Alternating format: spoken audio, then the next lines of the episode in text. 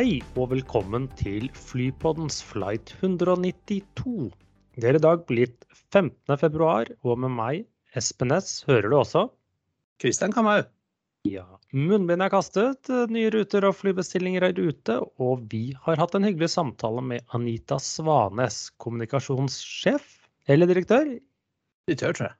Direktør. Jeg, med fare for å fornærme noen, så blander jeg alltid mellom der. Jeg har aldri helt skjønt uh, rollefordeling eller forskjellen, men hun i Jeg tror har, ja, hun er for fly. Det, jeg har jo blitt fått ny jobb siden sist. Jeg har blitt kommunikasjonssjef, og ikke direktør. Ja. Eh, Så jeg tror det har noe med hvilken, hvor høyt oppe du er i hierarkiet eller noe sånt. Eller hva det er. Om du får fast parkeringsplass eller ikke, er det som Ja, så det tror jeg tror ikke jeg får det. Men vi har begge booket flybilletter. Det har vi, Espen. Og du var litt eh, grei mot ukens gjest, du. Ja, for jeg kommer litt tilbake til det, men Flyr lanserte fem ruter forrige uke, annet en tur til Billund. Så da tenkte jeg, nei, men hva gjør jeg da? Jo, da tar vi med familien på en helgetur til Legoland til våren. Ja, fikk du, Var det en bra pris? Ja, det var helt eh, var bra pris, uten at jeg liksom følte noe dårlig samvittighet overfor flyselskapet. Betalt for alle oss fire med setereservasjon og den der eh, smartbilletten eh, til Flyr med bagasje og alt mulig rart. 4300 kroner for fire personer.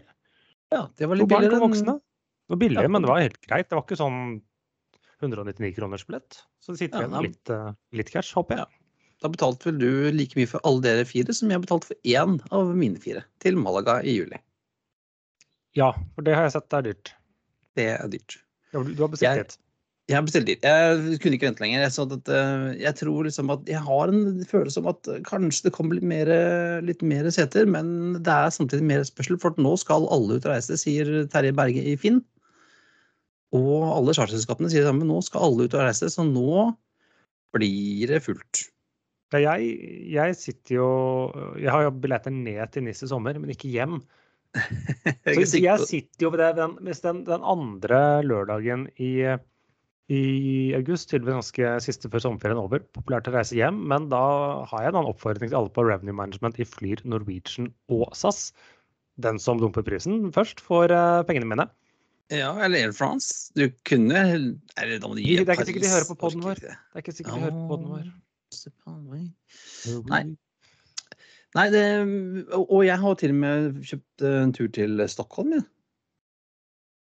Business of pleasure. Det er business. Men det er alltid en pleasure å ta en tur til Stockholm. Det er lenge siden jeg har vært på Arlanda. Det er koselig, det. Jeg, jeg har Jeg syns liksom Jeg syns ikke Arlanda det, er precis sånn, det en grunn til at den aldri har vunnet prisen som årets flyplass. Nei, det, det er, nei det er, men det er, svensker er hyggelig, da. Men jeg er enig. Ja, ja, jeg, Arlanda er vel jeg kanskje klagde ikke over svenskene, jeg klagde over Arlanda. Nei, jeg, eh, jeg tror vel Arlanda skårer scorer vel eh, av de nordiske flyplassene. Nå har jeg vært på, på Keflavik, men eh, av de jeg har vært på, altså Helsinki, Oslo, Arlanda og Kastrup, så er vel Stockholm den dårligste. Ja. Göteborg er faktisk hakket verre. Skal der er jeg ikke vært, men det er, eh, den har jeg aldri fløyet til. Men jeg har tre fløyter til deg før vi går videre. OK, kjør på! Det er et tema. Det er litt tynt, men det er et tema. Mm. Uh, MS 192 den går CAI til SSH til HRG med en A220 300. Å, vet du hva? Der har jeg vært på den ene av de flyplassene. For det er altså MS er jo uh, Egypt Air. Og det er litt morsomt. IATA-koden uh, MS uh, er fordi at selskapet i gamle dager het Mzr Air. Og det betyr Så Egypt på egyptisk, det? er vel Egypt, Egypt på egyptisk, tror jeg. ja. Ja. Eh, og det er Kairo, uh, Sharm el Sheikh Hurghada er det vel da. Og jeg har faktisk vært fløyet til Sharm el Sheikh back in the day. Mm. Den gangen vi turte å reise til Egypt på ferie. Og så er det B692 ACK til JFK med en 100 E190. Det er JetBlue, det snakket vi om forrige gang òg. Men ikke denne. Ruta. ACK. Uh, uh, det husker jeg ikke. Jeg burde vite siden det er CK i den, men det er iallfall til JFK. Ja, og så kan vi ta, dette er en av de destinasjonene du som er glad i litt sånn mote. En viss type stil. Er vi oppe i Ivy League-gjengen, liksom? Er det det du snakket om? Nei, ikke Ivy League, hvor han som siste flyplass hvor, hvor, han, familien som siste flyplassen er oppkalt etter for, var kanskje der. Nantucket. Nantucket, ja. Ja, det er, ja, sånt, det er der. same, same. ja. Så det hvis man har rød bukse eller rød shorts, så kan man dreise opp i Nantucket. Altså. Ja. Det er fint. jeg, har, jeg har aldri vært oppi der, men jeg har hørt at det er veldig fint. Ja, det sånn populært for disse amerikanere med eh, litt kanskje sommerhus der og liksom disse øyene i Massachusetts og omegn. Det det er jo ikke lange flighten, det. Nei, jeg tror ikke det. Det er sikkert liksom mye feed og litt sånne ting, og du slipper trafikken i New York. Eller du må ha fått trafikken ut til JFK, så kan du kanskje kommet like langt. Men så er det XQ 192 AYT til VIE med en eh, 737-800.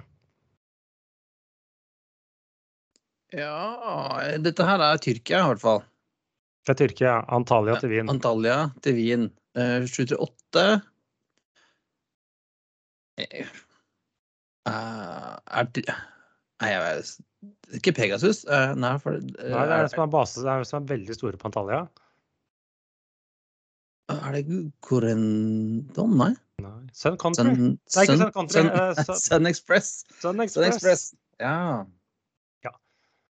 Det er jo, er jo feriesteder, da. Ja. Det går fra hovedstaden ut til et litt ferie-ish. Eller fra en hovedstad til en slags ferie-fritidsdestinasjon. Hvor fant du hovedstaden på JetBlue der? Nei, sorry. New York er ikke hovedstaden i USA. Nei, nå, men eh, nei, ikke hovedstaden. Okay, det. Det, går, det, går, det, går, det går fra landets største byen. by. Ja, det var, det var det jeg mente. Ok, spennende. Jeg ser du ro, fossror. Og da har du funnet en flytype til meg òg, eller? Ja, jeg fant en rar sak. AGO AO 192. Det var et litt sånn tysk konseptfly som eh, konkurrerte for å bli Luftwaffe sånn courier- og rekognossansefly eller noe sånt da, i 1935. Lagde sju eksemplarer. Litt sånn som jeg fant et den fly, da. Ja, ja, den er fin, da. Litt sånn som den derre Capronien som Norge DNL hadde, som også var sånn postfly, og som de bygde om til bombefly etterpå. Ja, liksom, den var si, to piloter og fem passasjerer. Og så ser det ut som den er lagd av, av liksom wire og duk. Jeg tror den er aluminium. Nei, nei, det er all Ja, metal. all metal construction. Ja, ja, ja. Så Ja, ja. var litt kult. Men det er fint. Den var, den var fin. Den kan vi legge til i, i notene. Mm. Og har Men- vi, vi du, du nevnte jo i starten, Espen. Flyr lanserte fem eh, nye destinasjoner i uken som gikk. Ja, de eh, alle sommerruter, eller ikke sommerruter, noen er vel helårs òg. Eh, de eh, lanserte da Arlanda, Stockholm-Arlanda, Billund, Edinburgh, Pisa og Praha fra Oslo. Ja. Ikke noen nye fra noen andre steder. Nei, men la meg si Slik jeg tolker og det flyr hva de sier, så skal det komme flere nyheter dryppende utover. Og slik jeg klarer å tolke hvordan de svarer disse, alle disse som skriver på Facebook sine Hvorfor tar dere ikke rute fra andre steder i Oslo? Hvorfor er det ikke rute fra Bergen til der jeg skal? liksom? Så, uh, ingen andre skal. Uh, så tolker jeg det som at det kommer noe mer. Ja, Og de har vel nå fire-fem fly og skal opp i tolv i løpet av sommeren.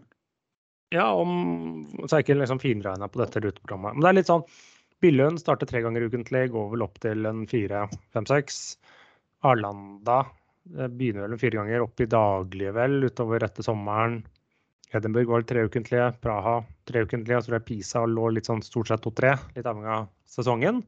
Uh, ja, så får man se, se hvordan det går. Ja, vi legger jo eh, deres foreløpige rutekort for sommeren 2022, så det er jo ganske mange streker på det kartet. Det er det, og det er jo ikke bare Oslo. Du har jo Trondheim til Tror Trondheim Alicante, Alicante. og Bergen Alicante ble jo annonsert i fjor. Den skulle vel egentlig startet I hvert fall en av de skulle startet nå midten av februar, men jeg tror jeg fikk en liten sånn koronaforsinkelser. Ja, Og det er jo altså Selv om det ikke er så mange ruter hver, hver dag eller uke, eller avganger, så er det jo ganske mange destinasjoner etter hvert. Du har ganske bra Du kan reise ganske mange steder i Europa. Ja, men noen av de har jo det litt uh, flere, eller så, jeg lurer på NIS på det meste av fem i uken. Uh, Malaga i sommer. Om ikke den er daglig, så er det ganske mange Er det nesten daglig og litt sånne ting. Det er Malaga Alicante. Ja, det er litt sånn, eh, litt sånn Allegiant-ting over det. Litt sånn noen, eh, to, to ganger hit, to-tre ganger dit. Ja, men det, de har jo det samme litt sånn utfordring som Allegiant. eller som Allegiant de gjør, de flyr jo ikke på tirsdager. Og det er jo liksom problemet de flyr. Hvor skal de, de flyr jo ikke på tirsdager i januar. Eller hvordan skal de løse det? Hvor er de passasjerene deres da? Nei, altså akkurat nå trenger de jo ikke no, Så lenge de har Power by the hour, så kan de jo dra ned litt, liksom. Og... Ja, ja, men de har jo sine ansatte, da. Ja, jo, men det, det, det snakker jo Anita litt om seinere også, Espen. Du nevnte jo noe om det. Ja, ja altså, vi kan løse det på. jo, jeg kan jo komme tilbake. Men som sagt, da har jo jeg Ja, da booket jeg i hvert fall på en av deres nye ruter den dagen det ble lansert. Veldig bra. Og, men dette er jo da sommerruten. Jeg er jo da litt spent på hva gjør de på høsten og vinteren? For at altså Pisa Pisa er sommerrute. NIS funker jo ikke spesielt sent etter oktober. Allag, Palma, Malaga- Alicante og Malaga kan du kjøre hele de året. kan kjøre året de rundt. mindre. Det er jo forskjellig. Så spørs det om da man får Las Palmas tilbake, eller hva de skal gjøre gjøre resten av eh, året. En del av disse er jo veldig flotte for um, senhøsten på helgeturer og sånt, men uh, ja. Utfordringen altså, til er rett og slett midtvinters. Hva skal de gjøre? Altså, Las Palmas er jo en Den er jo en given, tenker jeg, med, Ja, Bortsett fra i år med korona, da. Så de Nei, men vel det er tre-fire ferdig med. ganger før de ga Det er vi ferdig med, da. Eh, Max, og du kan jo du kan, altså, Storbritannia er jo, bortsett fra Edinburgh, så er jo Storbritannia ganske åpent. Ja, det virker som de liksom holder seg litt unna markedet i London. Og går heller inn eh, som fjerde på Brussel, liksom. Mm, Fjerde Nei, tredje. Norwegian er ikke på Brussel. Det stemmer. Amsterdam, bare. Ja, ja, jeg, jeg, når de lanserte den, jeg syns også at Brussel var et rart valg for dem. Eh, Så får man se hvordan det går. Fagforeninger vet du, de skal til Brussel. De flyr bare med flyene, for det er de som er, de som er snille. Mm. Men, eh, men uh, veldig altså, Jeg må jo si uh, hatten av å bøye meg i hatten for uh, hva de har fått til på kort tid. Det må jeg si. Ja. Og nå ryktes det, jeg har forstått det, at den første Maxen skal bli levert nå om ikke så lenge. Nå i februar, sies det. ja. Det, Men, vi tar gjerne eh, mot en invitasjon for å komme til å kikke på den. Mm. Hvor den skal settes inn, eller hvor første rute blir, det vet jeg derimot ikke. Men eh, apropos passasjerer. Hvordan ser eh, Avinors uke seks-tall ut, Espen? Dette blir jo først siste uke av nedstengingen. Ja, eller var det nedstengt, Ish. men mer sånne Ja. ting. Vi, skal vi se glasset halvfullt, eller skal vi se det halvtomt? Jeg er jo en, eh, en optimist som alltid, Espen. Ja.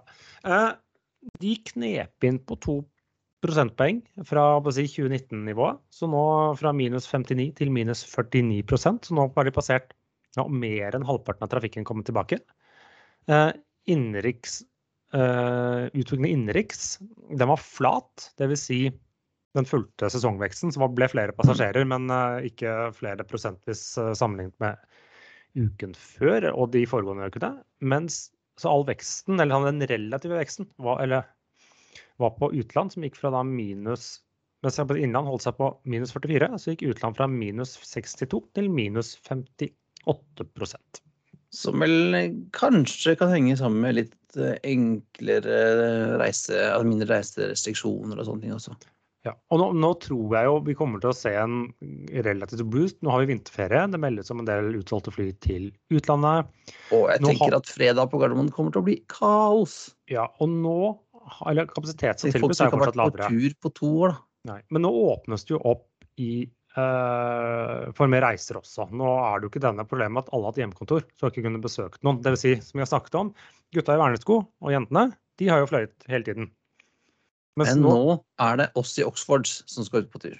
ja, jeg, hadde, jeg to kolleger som kom over fra Stavanger denne uken, og litt sånne ting, så det er- begynner å ta seg opp. Ja, Jeg eh, skal en tur i mars til Stockholm, altså. Ikke i hverdagssko. Og så var det jo stor ståhei forrige uke om eh, at eh, Finner lanserte endelig Premium Economy og ny business class, vel? De har jo varslet om dette en stund. Eh, Finner har i tillegg noe de har og skal fortsette å ha, det som heter Economy Comfort. Men da er det sånn to centimeter større benplass eller fem, eller hva det måtte være. Eh, så de eh, lanserte da sin Premium Economy. Den er utseendemessig eller sånn Den er veldig lik alle andre, hvis man kan si det den. Det blir da 242 i 350-ene og 232-konfigurasjon i 330-ene, så det er identisk med SAS. Identisk med ja. British Airways eller tilsvarende Air France, Lufthansa, seen it before. Men det virker jo som et uansett et bra produkt. Vi skal diskutere litt det nå nå snart. Og I tillegg til det så kom det da en ny business class-seter, som hadde da den Det som er revolusjonerende med det setet. Det ser jo fint ut og sånne ting, men du kan ikke lene ryggen bakover. Hæ? Nei. De har satset på et sånt prosjekt. Det vil si, du kan legge deg om til en seng, men du lener ikke ryggen. Da bare slår du opp noen støvler og nei, støtter under og sånne ting, og så slider du nedover eh, sofaen der. Men de har et sånt lounge-konsept, sånn at en som har testet det, da, en reporter, sa at dette kan faktisk funke. er at det, det vil si, du, Den der halvliggende eller sånn sove i lenestol får du kanskje ikke til da, men du kan ved å si, vri kroppen, eller ved å liksom bytte på hvordan du sitter i den kokongen som er, eh, er med, okay. så hva hvis det fun funket, det mente han. Men det, det, blir litt spennende å se. Dette er jo ja, noe nytt. Jo, men tenk litt på det. Altså, når er, du, når eh, er du noen gang lene setet ditt ordentlig bak deg hvis du skal sove? Og hvis du da kan ligge flatt, så deler det enn å ligge sånn halvveis tilbake. Det, ja, du får ikke den skjøten. Mm.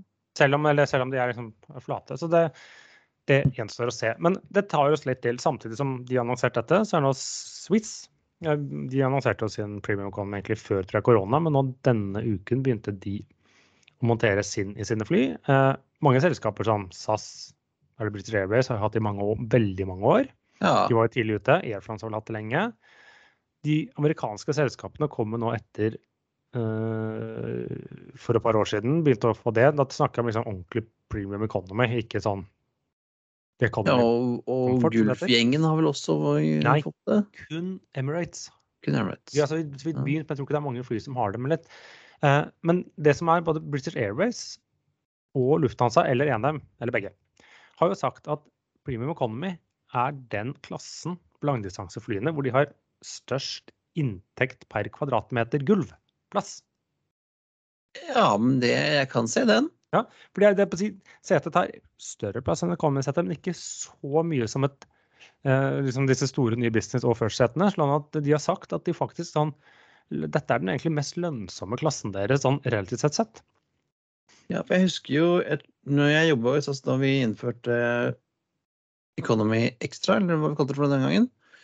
Eh, og det var jo mye snakk om liksom at ja, men da går alle fra business ned dit og sånn. Men eh, det var jo heller at man stoppet fallet helt ned fra business til Economy. For du hadde jo en del bedrifter som hadde innført sånn du kan få ikke ja. lov å kjøpe business. Nei, og så har du fått en del eh, eller nå har jeg hatt flere intervjuer med folk at du ser stadig flere fritidsreisende i business, men det er, veldig, det er mye lettere for en fritidsreisende også å gå opp fra Economy til Economy pluss. Ja, også, ja. Også. Jeg, har jo gjort det når jeg skal til USA i sommer, uh, i mai. Så var, var, forskjellen på en Economy og en pluss ikke så stor. Eh, så da klinte jeg til å betale en tusenlapp eller hva det kosta ekstra. Ja. Og de kunne sikkert lagt seg enda litt høyere med et godt revenue management, så du rynka litt på nesa, men fortsatt gjort det? Ja, uh, ja det kan godt hende. ikke sant? Også samtidig hvis jeg, jeg har tenkt å oppgradere meg enda litt høyere, men da blir jo den billigere, ikke sant? Mm, nemlig. nemlig. Og, du, og de andre er sånn spilt, spilt milk. Det andre det er uh, penger gone. det du allerede har. Jo, og så hender det jo faktisk, eh, og det er litt gøy, det ser man av og til, og det er noen som spør meg om som gammel ready manager, hvorfor er det? Av og til så får du da se at economy er dyrere enn pluss. Ja. Faktisk. For du kan ha den dyre Er det samme billettregler, eller? Nei, billettreglene er forskjellige. ikke sant? For mm. du har da sikkert flere rettigheter for den dyreste økonomien, men eh, Fleksibilitet. Si, et flyselskap bepriser vel fleksibilitet nesten mer enn et litt bredere sete. Ja. ja. Fleksibiliteten er det som koster. ikke sant? Derfor du kan få sånne business savers som, hvor du ikke har noe av fleksibiliteten som er business class, men du får sitte foran og spise Galax. Ja. Men nå, nå, kommer jo de fleste selskapene med det. Eh, så Qatar blant Midtøsten-selskapene har vel ikke ja, de asiatiske har. De som liksom er mest overraskende for meg at ikke har en premium economy. De har sin sånn economy comfort, så hvor det er temmelig nøyaktig 5 cm bedre benplass uten at det er noe forskjell. Men den som overrasker på at de ikke har det, er, KLM. De har, de har, ikke de? Nei. Air France ah. har. Rart. Ja, da sitter vel noen, eh, noen revenue manager og sier at dette her kan vi ikke ha. Nei, det er revenue delusion. Men sagt, dette har jo blitt en sånn og ser man, Det som er å se på bildet, eller liksom, liksom, hvis du sammenligner gamle og nye bilder, så ser jo et moderne premium economy-sete ser jo veldig likt ut som et sånt business-sete så ut for 40 år siden. Eller 30. Ja, ja. Det er veldig sant, det. Eh, sant? Men dog, de... serveringen er jo annerledes. For den, ja. det er jo det som er, den er jo mer en litt sånn hybrid, eller mer en, Serveringen er litt mer sånn gammeldags economy. Ja. Den gangen du kunne plinge. Ja, ja stemmer. Uh, men særlig på, på, langt, så er det sånn der å ha litt mer, litt mer benplass, du kan liksom lene deg litt tilbake, og du kan ha litt mer personal space, Det er jo det som er digg, da. Jeg har hatt et par, eh, blant et par med British Airways sine til India. Jeg har hatt et par turer med Economy, Premium Economy. Jeg har hatt SAS hjem fra Tokyo. Og det er jo sånn Nei, det er ikke business, men det er et bra produkt. Du føler du sitter og nyter tiden da også. Ser litt på ja. film, litt bedre benplass, sitter med en kald øl eller en GT. Ja, jeg gjorde det også på United, som ikke har ordentlig premium, men som hadde en sånn derre Noen få seter foran som var litt bedre. Ja. Eh, men nå har de også, nå har de også fått seg en sånn uh, premium economy. Men uh, ja, som sagt, det er litt sånn, når det har vært så, såpass lønnsomt, i hvert fall for enkelte, så er jeg litt overrasket at da spesielt KLM, som kanskje disse midtselskapene er litt annerledes for. De eneste som jeg har hørt at liksom mislykkes med det, var Turkish. Som installerte det for en del år tilbake og så tok det bort. Men de hadde en sånn gigantisk premium economy. Uh, dog noen har jo store. SAS har jo bl.a. på et par av konfigurasjonene sine hatt en ganske stor premium economy.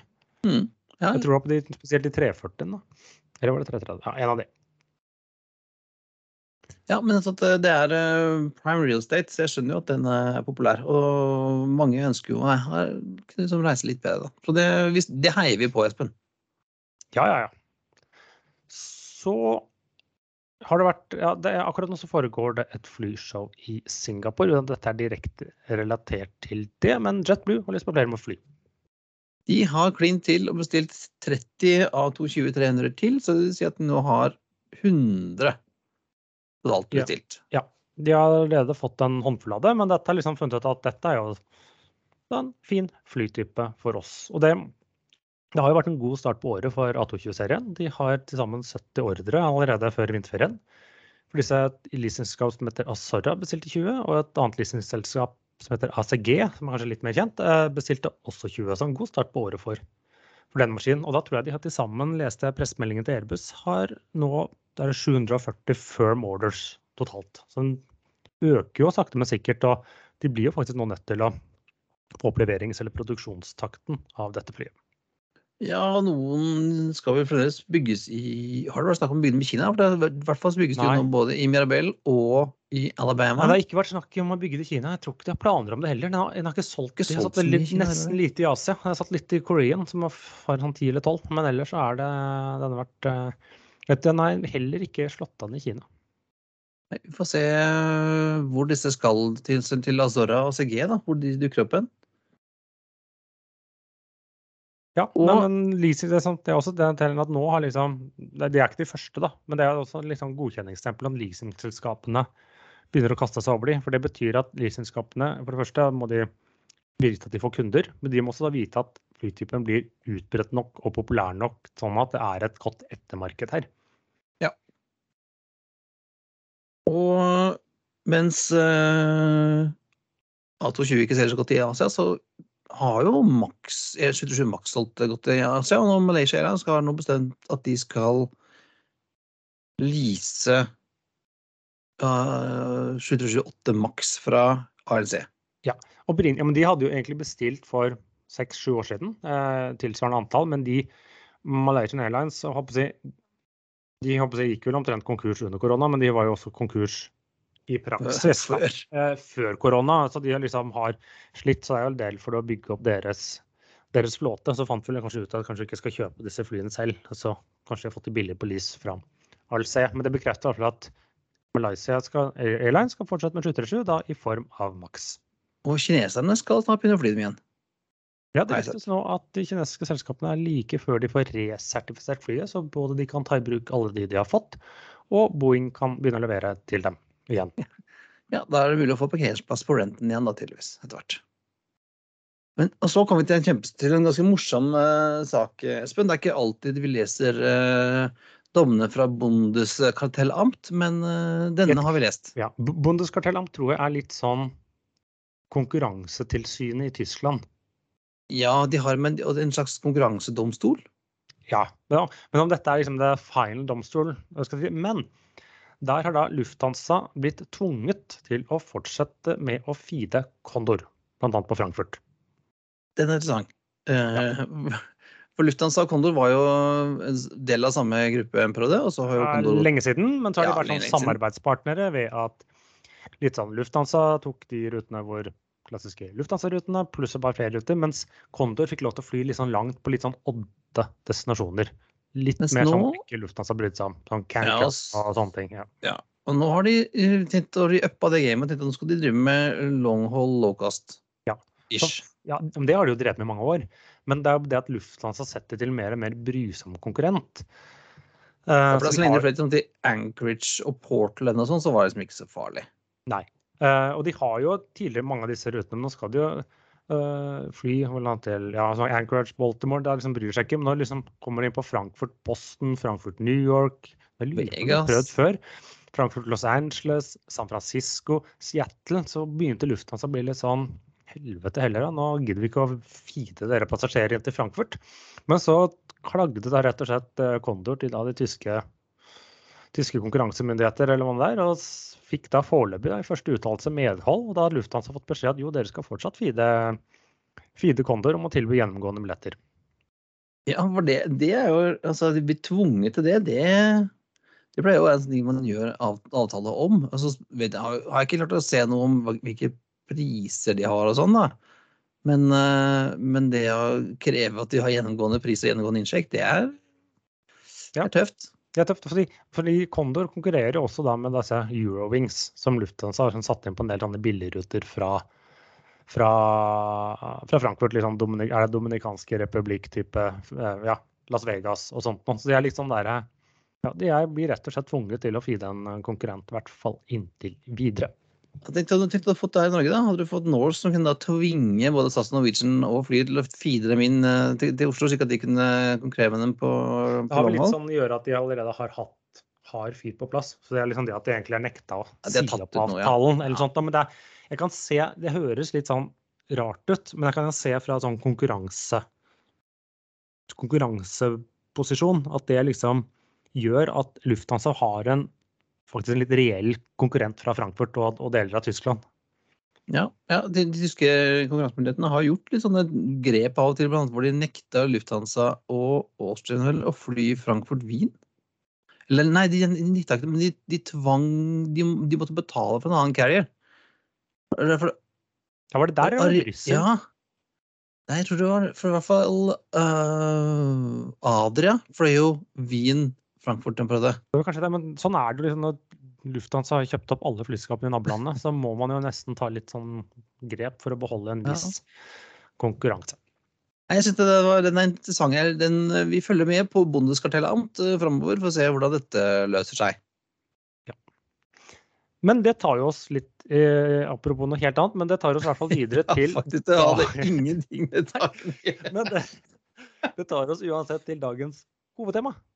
Ja, vi har eh, nå kommet til veis ende i vår eh, serie hvor vi snakker med de norske kommunikasjonssjefene i flyselskapene i Norge. Vi har vært gjennom SAS, Widerøe, eh, Norwegian, Norse, og nå eh, snakker vi med Anita Svanes, som er kommunikasjonsdirektør i Flyr.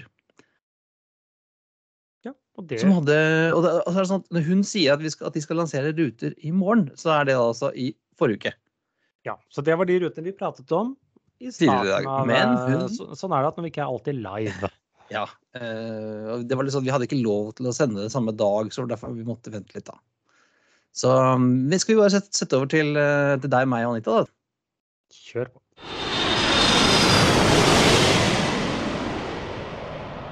Ja, velkommen til Flypodden, Anita Svanes, kommunikasjonssjef i Flyr. Tusen takk for invitasjonen til å bli med. Det var jo hyggelig at vi endelig fikk det til. Nå har, du er jo sistemann. Vi har hatt en lang rekke med, med kom-sjefer som vi har snakket med. Så var det gøy at endelig fikk med deg, da, som var den, eh, ja, den nyeste av dem. Det stemmer. Jeg begynte jo i august i Flyr, så sånn sett den, eh, den ferskeste av eh, de på kommunikasjon, vil jeg tro. Men du, jeg regner med at du har vel møtt dem alle sammen, tipper jeg? Det har jeg. Vi har jo et sånt fint forum også via, via Avinor, som vi har møtt eh, flere av oss eh, før jul. Og så er jo også jeg med i NHO Luftfart i et sånt bransjeutvalg der, hvor jeg også møter flere av eh, mine kollegaer. da. Så var det et par av de som jeg også hadde møtt i tidligere kommunikasjonsjobber før både de og jeg kom til luftfarten. Ja, for du kommer fra bilbransjen? Det stemmer. Jeg kom nå aller sist fra Møller Mobility Group, hvor jeg jobba med, eller hadde kommunikasjonsansvar og samfunnskontakt for eh, Harald Møller, som er Norges største bilimportør. Så jeg har jobba mange år innenfor bil, også innenfor andre store organisasjoner, sånn som General Motors og tidligere også i franske Citroën. Så det ble en lang farts, fartstid innenfor bil. Men flybransjen er jo noe helt annerledes. Flybransjen er helt annerledes. Så det var jo sånn sett en veldig stor uh, overgang. Og jeg måtte tenke meg godt om da jeg i april i fjor fikk den kjempespennende muligheten via Flyr. De tok kontakt og spurte om det kunne være noe for meg. Og jeg må jo bare si at jeg ble jo skikkelig bitt av den basillen, den entusiasmen som de fortalte om. Her skulle de starte et helt nytt flyselskap. Rett og slett en startup og få lov å bli med på det. Som jeg tenkte, dette jo, må jo være en sånn sjanse man får kanskje en gang i livet. Å få lov å bli med og starte et flyselskap. Så det syns jeg var kjempegøy. Så likte jeg jo veldig godt eh, hvordan de både snakka om liksom, det å ta med seg de erfaringene som de hadde fra eh, Eller veldig mange for ledelsen, da. Har jo erfaring fra Eller hele ledelsen har erfaring nesten fra flybransjen fra før. Og liksom ta med de erfaringene de har der, og se på om det kan finnes en bedre måte å gjøre det på når man starter et nytt flyselskap. Få lov til å starte litt med, med, med blanke ark og ny teknologiflate og veldig mye spennende ideer som appellerte til meg. da. Og så likte jeg jo veldig godt det, det de la vekt på også når de snakka med meg innledningsvis, om at de ønsker fokus på medarbeiderne og gjennom å, å ha veldig gode altså ha en flat struktur og veldig godt samarbeid internt, godt, eh, styrke et sånn eh, samhold internt, at det vil være med også på å gi kundene, eller våre gjester da, som flyr med oss, en god opplevelse. Så den, det at jeg syns det lå så mye bra i dette med sosiale ansvar òg, og man skal på en måte være med å snu en utvikling som det har vært veldig mye utflagging av arbeidsressurser fra Norge til utlandet. Men nå skal vi, skal vi bidra med noe annet, da, med å skape de gode arbeidsplassene i Norge. Så den ideen likte jeg veldig godt, da, og det er jo noe som Bjørn stolt òg når man jobber i selskap og ser at det, det er et ekte engasjement. Og vi prøver å være veldig sånn, tett på hverandre. og ikke ha et selskap med hvor det er bare de og oss og masse siloer, men vi prøver så godt vi kan å finne de gode møtepunktene for at det, vi skal bli kjent med hverandre. Altså, nå er vi jo en organisasjon som vokser også, så det er klart at det, det var en liten gjeng som starta i starten. Også når jeg begynte, så har det jo kommet veldig mange til siden da. Så det, det appellerte jo selvfølgelig også til meg å få lov å være med å bygge denne fantastiske flyrkulturen.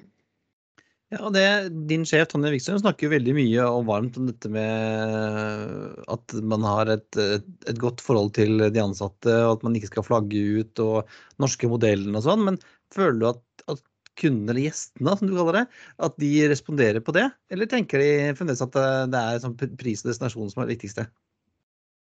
Så jeg tenker Pris vil jo alltid ha mye å si, men jeg ser jo også det når også Tonje har vært uh, med i flere både podkaster og intervju, og vi også gjennom det vi kommuniserer har fått fram, tror jeg da, at vi står for noe annet. At det er også mange som ser, ser verdien i det. Og så hører jeg også at de møter jo veldig engasjerte og flotte medarbeidere om bord, som, som, gir et inntrykk at det er noen som trives i jobben sin. Så jeg tror nok også at det, de som i hvert fall har vært ute og reist med oss, har følt at det det er god stemning. Og eh, også de som tar kontakt med kundesenteret, opplever komme til hyggelige mennesker som du virkelig får en opplevelse av eh, ønsker å gjøre en god jobb. Og da tenker man kanskje også at det, noen som gir en sånn opplevelse, har det jo gjerne bedre på sin arbeidsplass eller, eller det motsatte, da. Ja, for det har jo jeg, jeg opplevd når Mm. jeg først eh, krøllet opp en liten eh, reise jeg skulle ha med dere i september, så ble det jo løst utrolig fort. Det var noen minutter med, med chat, og så vips, så var, eh, ja, så var det løst når det flyet skulle med, plutselig ikke gikk. Men det, ja. Ja, det er veldig gøy å høre, og det er jo det vi prøver å få til også. Eh, Og hele filosofien vår rundt dette med kundesenter, det var jo det at vi ønska at det skulle liksom ligge, være veldig sentralt på hovedkontoret vårt og sentralt i organisasjonen. Være, vi, det, vi henter inn mennesker som, eh, som kommer fra helt andre bransjer. Eh, masse fra hotell og med mange andre forskjellige serviceyrker og veldig, veldig ulike bakgrunn. Og alle de er, de er fast ansatt i Flyr. Og selvfølgelig med på møter som, som vi har, og veldig tett på. Eh, og det at det, man sitter så tett på, gjør det jo også mer spennende sikkert for de òg, for de får sjansen til å si fra om ta opp problem, eller hvis det skulle være en utfordring som kommer, da, så er det veldig kort vei til å finne noen som kan gi et svar, og man kan løse saken for kundene. Så har vi jo hatt da, siden eh, vi startet opp, så har vi jo hatt en helt fantastisk eh, respons fra kundene. da, som ligger på over 96% på kundetilfredshet, som er veldig veldig bra. Og en responstid som er helt unik, nesten på nivå med vi si. Så, så vi er jo veldig stolte av det vi har fått til, og utrolig bra tilbakemeldinger. Så det er noe som vi skal streve og jobbe ved dag for dag for å holde på. Og så selvfølgelig etter hvert som kunstsenter vokser, får vi alle som begynner oss også inn i den filosofien. Så vi er utrolig stolte av hva de får til. Og så bruker vi også de tilbakemeldingene som kommer til kundesenteret på å ta de inn i forbedringer alt fra nettsiden til appen. Er det noen steder vi ser vi ikke har nok informasjon? Eh, De mottar også veldig mye henvendelser på og vi ønsker at dere skal fly dit og dit. Disse henvendelsene kommer videre til oss, og også alle andre mulige spørsmål som kan dukke opp eh, i forbindelse med en reise. Så de er på en måte sånn Nav også i forhold til å få kundenes feedback, som vi prøver å ta videre i organisasjonen. da. Og vi, vi var jo med på den aller første turen. Eh, Ja, det 30. vet juni. jeg. Ja, jeg hørte, jeg hørte på podkasten da. Eh, Så det vet jeg at jeg var med. hyggelig. Og det var jo stor, stor, eh, stor stas, men, men, men ehm, det ble jo ikke helt som dere hadde tenkt. Altså hele oppstarten første, første, altså 2021 ble jo ikke helt som dere hadde tenkt. Nei, og der er i likhet med veldig mange andre, så, så, så ble jo det året altså Man kom gikk jo inn mot sommeren med stor optimisme, og de fleste tenkte jo nå at det, når folk begynte å få vaksine, og at man skulle gå mot en gjenåpning. og som første måned i sommer ble jo gode, og så kom jo deltaviruset som skapte krøll for eh, veldig mange bransjer, inklusive luftfarten. Så, så der man forventa egentlig det skulle ta seg godt opp, spesielt på innenriksmarkedet først, det kom jo mye treigere i gang enn man hadde forventet. Så der gjorde jo også vi i Flyr da, endringer i ruteprogrammet og bl.a. fikk på plass eh, Malaga Alicante kanskje tidligere enn tenkt, også fordi at vi så at der var det faktisk litt mer etterspørsel. Og så var det jo utrolig gøy å se liksom den helgen da gjenåpningen av Norge skjedde i eh, 25.9. Hvilken eksplosjon nærmest i uh, trafikk på, eh, på inn til nettsiden. Og nettsiden å se den responsen fra så mange reiselystne. Så det ble jo veldig bra tid. Og så fikk vi jo dette omikron, da, som jo dere har hørt mye om. For, for hvor mye kan de si eh, Dette er jo Man ser jo på både deres program og konkurrentene, så dette er jo eh, kan si, likt for alle. at Da ble det jo nå kutt istedenfor nå i nyåret, men redusert program. For det har rett og slett vært færre eh, reisende. Men hvor mye har det kan det si, om ikke satt dere tilbake hvor mye har det forsinket liksom, planene inn mot ja, jeg vil si sommeren 2022, og liksom, hvor dere hadde tenkt å ja, kanskje fly, og liksom, hvor mye er det liksom nå satt litt på vent, og hvor mye er det liksom dere holder igjen, da? Altså, vi måtte jo i likhet med våre, de andre flyselskapene som opererer i Norge, eh, og måtte jo da gjøre noe, for man så at det, trafikken bremser veldig opp. Og det er nok litt sånn at luftfarten blir veldig fort ramma når man begynner å skrive om økt smitte, og ikke minst når tiltakene om eh, sånn, eh, hjemmekontor og strengere smitteverntiltak når de kommer, så, så påvirker det automatisk eh, folk som skal ut og reise. Da blir man mer usikre på er det lurt å reise nå eller ikke. Og så blir jo, henger jo gjerne, luftfarten blir jo gjerne en av de siste bransjene som kommer ut av eh, en sånn bølge også, fordi at det, det tar tid å få, å få folk ut og reise igjen. Så, så, det som vi så var utrolig viktig, var jo nettopp å tilpasse da, til, den, eh, til, den, bremsen det ble i, i bestillinga. Så kan man si at man hadde jo fortsatt en del reisende i desember, som pleier å være en god måned pga. juletrafikk. Men det er jo klart det, det er jo ikke noe gøy for noen flyselskap å sitte og se at det, det tikker inn så få bestillinger inn i eksempelvis som det gjorde i januar da, i starten. Så, så da, da, ble det jo Vi var jo nødt til å gjøre endringer, da. Så vi dro jo ned kraftig på i, i produksjonen, da. For å ikke fly med tomme fly. Så så det er jo noen tilpasning som eh, de fleste har gjort. Og med vår, jeg, for, um, vår, forretningsmodell som er veldig fleksibel, så har man også mulighet raskt til å tilpasse seg. Ja, for Det er fordelen dere har, at dere har fremdeles uh, Power by the Hour-avtalene med eliteselskapene. slik at om dere setter fly på bakken, så koster det ingenting. Ja, men det er de første flyene som ja. har hatt ja. sånn, ja, stemme. Ja. Har dere også muligheten, har dere den fleksibiliteten i, med de ansatte også, at de kan liksom, ta litt ferie når, når, det er litt lavsesong og, og jobbe mer når det blir mer fart? Altså, vi har jo gjort uh, flere tiltak der. Vi har jo både benytta en litt roligere januar til å gjennomføre mye kurs og trening. Eh, og samtidig også på kabinsiden så har vi også åpnet opp for eh, at flere har fått sjansen til å jobbe eh, i administrasjonen også, som det er i HR-avdelingen eller på kundesenter. Så vi har forsøkt også å være litt kreative og finne på for god måte for å holde folk aktive, da. Så du har flyvertinne ved hjemmekontor, er det du sier? ja, så vi har i hvert fall hatt veldig god hjelp fra flere både kunst Eh, kunstsenter, Og det er noe som vi ser har også vært en OPH-avdeling, og det er noe som vi får gode tilbakemeldinger på. De syns det har vært veldig interessant, og ikke minst så er det en veldig fin læring da, av hverandre. Så det, det er jo noe som er, som er, verdt å ta med seg den erfaringen videre. Det syns vi har fungert veldig bra. Så, må nå, vi jo selvfølgelig, ja. så er vi selvfølgelig veldig takknemlige for, for forståelsen fra alle òg, eh, på at eh, man ikke fikk det, den produksjonen som, som, man hadde tenkt da, i januar og i starten av februar, nettopp pga. omikron-situasjonen. Og nå ser jo alle utrolig fram til både det at vi eh, lanserer det nye sommer, sommerprogrammet, flere destinasjoner der, og vi får inn nye fly. Framover skal vi få en 737 strek 8, som dere vet. Så, ja, så det er veldig mye spennende som skjer. Så vi gleder oss veldig til en eh, spenstig sommersesong og virkelig komme i gang. Vi håper det er veldig mange reiselystne nordmenn der ute. Ja, hvordan ser sommersesongen ut? Hvor, hvor, ja, hvor fleksible liksom er dere? For jeg forstår det sånn at dere har ikke dere har ikke sluppet, eller alt hele sommerprogrammet er vel ikke spikret uh, as så dere har en viss fleksibilitet der? Ja, vi, vi, skal, vi, skal, jo lansere noen nye reisemål i morgen. Eh, så, og tilsvarende vil vi gjøre de neste ukene. Så i morgen så kommer da noen flere av de reisemålene som våre gjester eller kunder har eh, etterspurt, kommer da på, på planen og er i salg for i morgen. Og det er bl.a. Stockholm, Praha, Pisa, Edinburgh og Billund. Så de slippes i morgen. Da blir det Legoland da, Espen? Kan det bli Legoland? Det kan jo være at det passer bra, for har faktisk, eh, vi har liksom eh, snakket litt, eh, litt, om det på et eller annet tid. Så, men det er jo sånn men det må jo også flyene må jo gå når jeg skal dra. Så, men det og så kommer vi tilsvarende til å slippe, slippe flere ruter da framover, mot, framover de neste ukene. Da. Så det må bare følge med i spenning.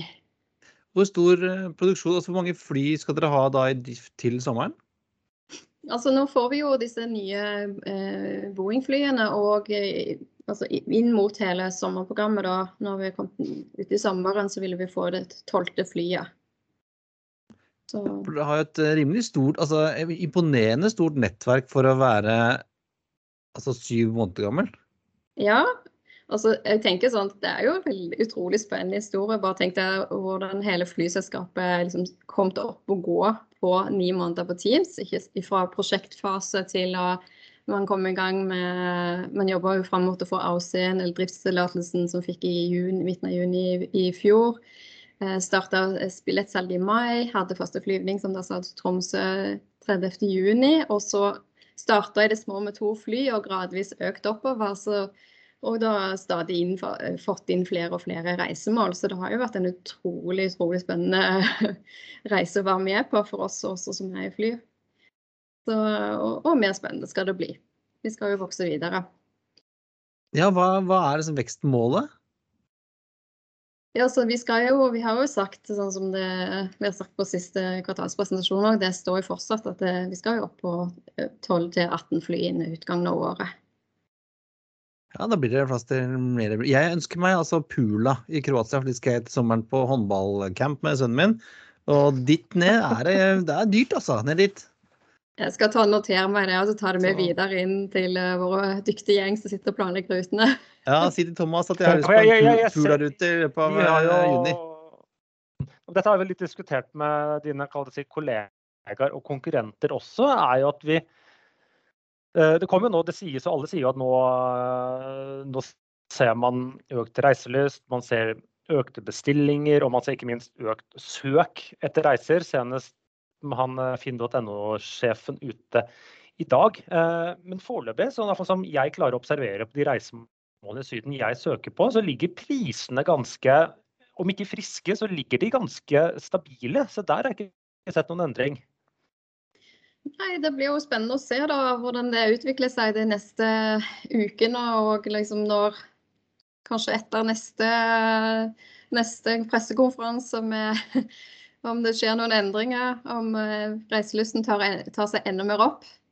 Men jeg, tr- jeg tror absolutt det er veldig mange som har lyst til å, å, dra ut nå i sommer. Etter to, to eh, altså, fantastisk, Vi har fantastiske reisemål i Norge for all del. Og jeg er selv veldig glad i, i Norge og reise der.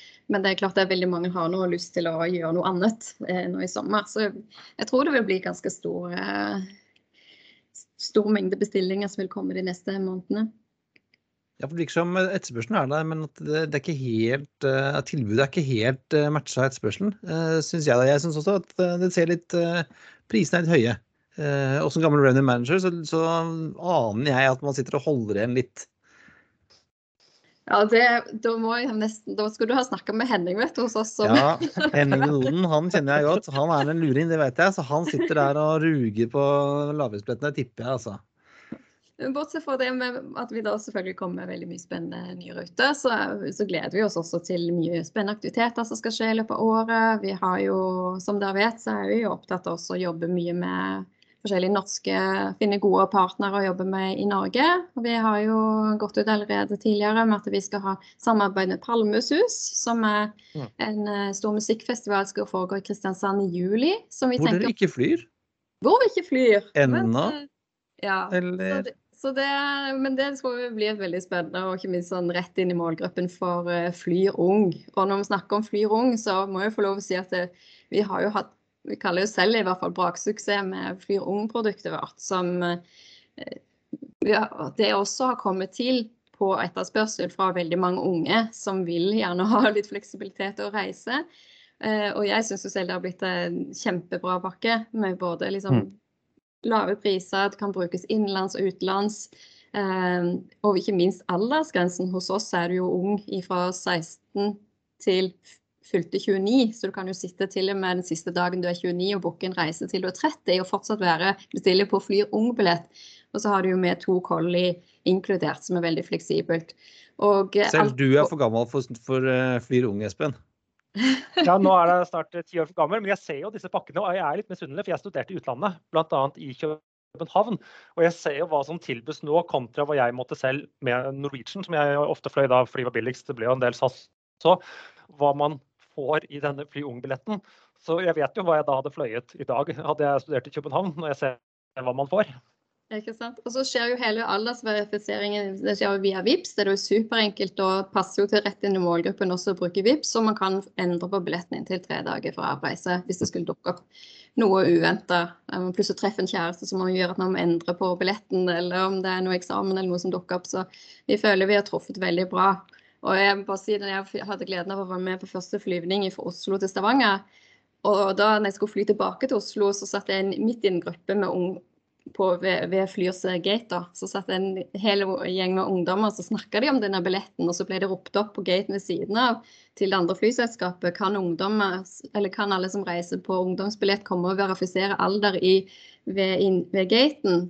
Og så satt de og humra og lo, de som, som, reiste med flyet, da. For jeg sa ha-ha, så gammeldags, så dette slipper jo vi flyr. Og så, så satt jeg der midt inni den gjengen da, og fikk høre om alle fordelene de syntes det var med vår billett. Som at de kunne reise hjem til foreldrene og bare ta med seg masse stæsj fra hus hjemme til hybel i Oslo. ikke sant? Så det var veldig gøy å høre litt sånn direkte på kommentarer på, på Men det er jo også denne bruken av VIPS faktisk også et effektivisering selv om man kanskje ja. ikke tenker på det på den måten. At man slipper å i gaten som står og sjekker, sjekker ID. Men nå har vi jo snakket veldig mye om samarbeidet mot si, unge, fleksibilitet i billetter, du nevner Palmesus og den type gøy og moro. Eh, hvis jeg som forretningsreisende eh, skal besøke mine kolleger i Stavanger, så kan ikke jeg i dag fly med dere. Det er noe som vi jobber veldig mye med. og Vi, er jo også, vi starta med en helt ny plattform. og Det nye One Order-bookingsystemet eh, via IATA. og Det er jo litt gøy også. kan mm. vi snakke mye om det òg, hvordan vi var først ute i, i verden på å, å lansere på det. Så kan jeg si Det har utrolig mange fordeler i forhold til det enkle systemet hvor det raskt via noen klikk kan gjennomføre en um, bestilling hos oss. Systemet er veldig enkelt, både appen vår og bestille på nettsidene, og du kan betale rett med VIPS. Så Det gjør det veldig enkelt for, uh, for de reisende.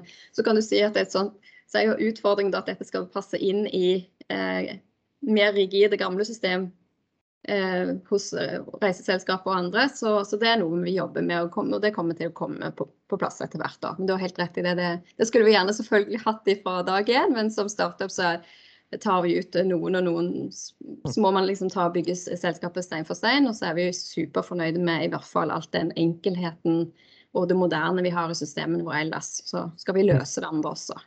Ja, for nå har alle jobb jobbreisene mine som var potensielle jeg skulle ha i høst, ble jo uansett ikke noe av. Så sånn at gikk dere ikke glipp av noe der. Og, men privatreiser som er betalt med dere, ja det er jo kjempeenkelt. Da liker jeg jo bare å gå rett på, rett på selskapet. Men uh, det betyr jo at man hittil har uh, Jeg vet jo det er en stor kostnad ved dette også, men man har også da gikk, gått glipp av kanskje en del uh, ja, per i dag en del del eh, passasjergrupper som da rett og slett er forhindret med å booke hos dere, dessverre. Det...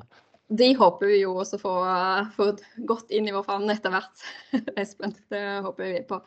Det er jo også noe av det som er utrolig gøy med å jobbe med startup. når man skal, man, skal jo liksom tegne avtale med så mange nye partnere. og Vi har jo hatt med Eh, vi har jo hatt med masse norske bedrifter for oppstarten. Det er alltid for de som utvikler appen. Vi har hatt med liksom Fuse, Unfold. Vi har jo hatt eh, Workis, norske designerdamene som er utrolig flinke å lage hele uniformsprogrammet vårt. Vi har avtale med Mack på drikkesiden, som er en norsk bedrift. Så, og eh, Swims, som leverer jakkene, så, og Douchebag. Så vi har jo knytta til oss veldig mange bra part, samarbeidspartnere. Og jeg kan jo også røpe til dere, jeg fikk faktisk lov til å si det, da, at neste uke så skal vi også eh, da går vi ut med at vi har tegnet et samarbeid sammen med Kjelsberg Kaffe, som skal levere, levere da, god kaffe, som også er sertifisert. Og har, eh, de gjør veldig mye bra på bærekraft, så vi er veldig fornøyd med å ha fått til samarbeid med de. Så der skal vi ha en liten sånn eh, Sette litt ekstra pris på de, på de første flightene fra Trondheim til Oslo da, neste fredag, som en åpning da, av det samarbeidet. Så vi jobber stadig vekk med å finne disse gode partnerne, som også skal være med på å bringe, gi en god kundeopplevelse. Det er jo ja, det det handler om. Vi, når vi fløy eh, i juni, så fikk vi jo en liten goodiebag med litt av hvert eh, greier oppi. Men eh, hvordan blir ombordkonseptet? For det har det vært litt, vært litt, stille om siden oppstarten, egentlig. Ja, altså vi har jo i dag eh, Nå har det jo vært liksom sånn on and off pga. restriksjoner. Det hva man kan gjøre. og liksom, Men nå igjen så er, jo, så er det jo full servering igjen. Og vi jobber jo med altså som jeg nevnte, MAK, som f.eks. er med på å gjøre det mulig å gjøre sånn lokale eller sånn sesongtilpasninger. Eksempelvis julebrus, juleøl som vi hadde med før jul.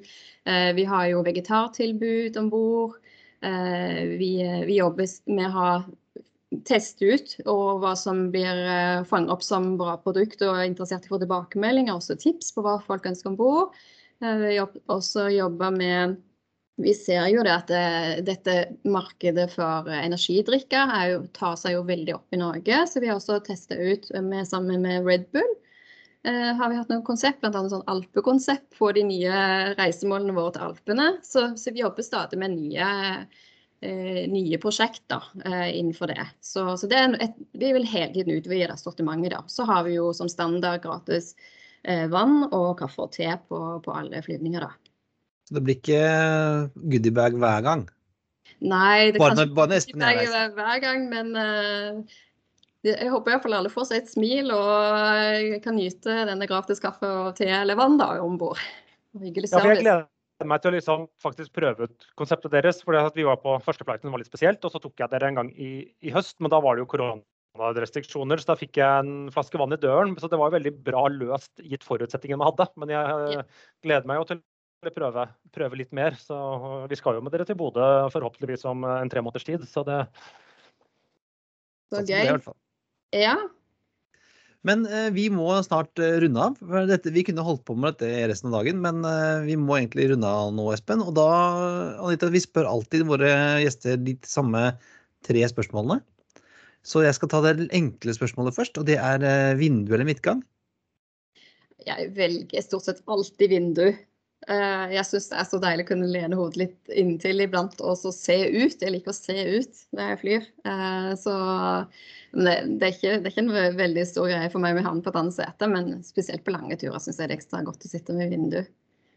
Jeg har jo, eh, du nevnte det, Dere nevnte det tidligere med å like å fly og reise ut, utenlands, også som ungdom. Jeg var jo så heldig at jeg hadde en far som jobba i alle år i Bråten og SAS, og jeg fikk jo den fordelen av å fly på sånn ID-billett til jeg var 27. Det var jo veldig sjenerøst. så, så det var også hadde, jeg fikk jo noen ganger anledning til å sitte framme eller på klappsetet. Så det var liksom det var jo selvfølgelig å sitte i cockpit. Det er jo selvfølgelig Det er det beste drømmen, da. Men hvis man ikke kan sitte Ja. i, i cockpit, så, så, så, så tenk, er det fint å sitte med vindussete. Og så neste spørsmål er hva er rett og slett din favorittflyplass? Jeg syns OSL fungerer veldig bra for raskt inn og ut. Men så må jeg også si det kommer litt an på man, hva man ser på. Jeg har, I min tidligere jobb så har jeg reist utrolig mye. og Det er mange flyplasser jeg absolutt syns er virke, virkelig ikke bra. Og så er det noe som er bra hvis du skal være der mange timer. Så jeg syns jo eksempelvis hvis du skal være slå i hjel mange timer eksempelvis, eh, og skal få et sted godt, noe godt å spise, så er jo både München og København veldig bra. Også hvis man skal gjøre litt shopping og rekke unna noe, om det er gavekjøp eller hva man skal. Men hvis det sånn bare får raskt inn og raskt ut, så syns jeg liksom synes jeg OSL er veldig både ren og fin og uh, har blitt et bra tilbud. Veldig Statistikken plass. viser at mye svarer, mange har svart det, Kristian. Christian. Så for litt Ja. sånn skryt til Avinor der, da. Det er det. Og um, siste spørsmål er litt, kanskje litt vanskeligere. Det er hvis du skulle reise tilbake til én destinasjon resten av livet, hvor skulle det være? Altså feriedestinasjon, da, typisk. Det må bli min andre eller si, tredje hjemby. Nei, det må bli Paris. Min studieby Paris. Der, er- der er hjertet mitt. Så det det er uten tvil Paris. Bra. Da sier vi tusen takk, Anita, og så håper vi at vi kan få komme tilbake og snakke med deg igjen. For det er mye vi skulle gjerne ha snakket mer om. Det må vi få til, vet du. Så har jeg kanskje noe, enda noen flere nyheter å dele neste gang. Ja, det er den Pula-greiene, det får du snakke med Thomas om å fikse. Det Altså. skal jeg snakke med Og Thomas om. jeg snakket med Henning om de flyprisene ned til Malaga. Altså, det, det er jeg, skal, jeg, sitter, jeg, jeg sitter og sjekker dere nesten holdt på å si, flere ganger i uka. For jeg skal hjem fra NIS i løpet av sommerferien. Men foreløpig er det 10 000 kroner en vei for hele familien min, så jeg har ikke booka ennå. Men eh, det er små, småproblemer, Anita. Tusen, tusen takk for at du var med, og lykke til videre. Kjempefint. Tusen takk til dere for at jeg fikk bli med. Ha en fin dag. Hei. Hei. Jeg lurer på om de er fornøyd med dette unge konseptet ditt, Espen?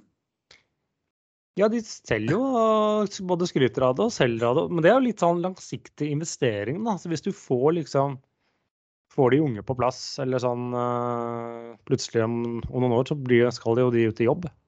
Og så Ja, tjener de mer penger, skal reise flere steder. Og hvis de liksom har blitt glad i flyr, så vil de jo fort velge det. Ja. Det vi glemte å spørre deg om, var jo bonusprogram. Ja. Kanskje, men hvem vet om det står på trappene eller ikke. Men Jeg vil eh, tro det i en eller annen form. Så får man se da, når neste gang vi skal på jobbreise, om man har muligheter for å velge dem etter hvert på et eller annet tidspunkt. At de kommer inn i disse GDS-systemene.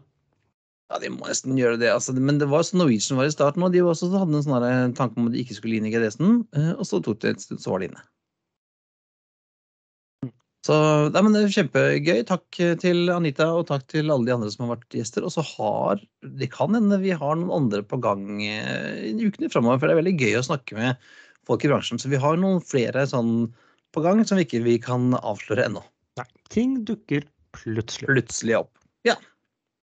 Men det var alt for denne gang. Det er på tide å feste sikkerhetsbeltene, rette opp setet og sikre fri sikt ut av vinduet ettersom flight 192 går inn for landing. Som vanlig finner du linker til det vi har snakket om i dag på flypodden.no. Finnes på facebook.com, flypodden, på Twitter, flypodden, Instagram, flypodden og på LinkedIn. Har du spørsmål, vil du invitere oss på flytur, vil du sponse oss, det er fremdeles mulig å sponse Flypodden. Vi har masse reklameplass. Så er det bare å sende oss en mail på hallo.flypodden.no eller en melding på Facebook. Ha det bra. We thank you for flying with us today. We truly appreciate your business and look forward to serving you on a future flight.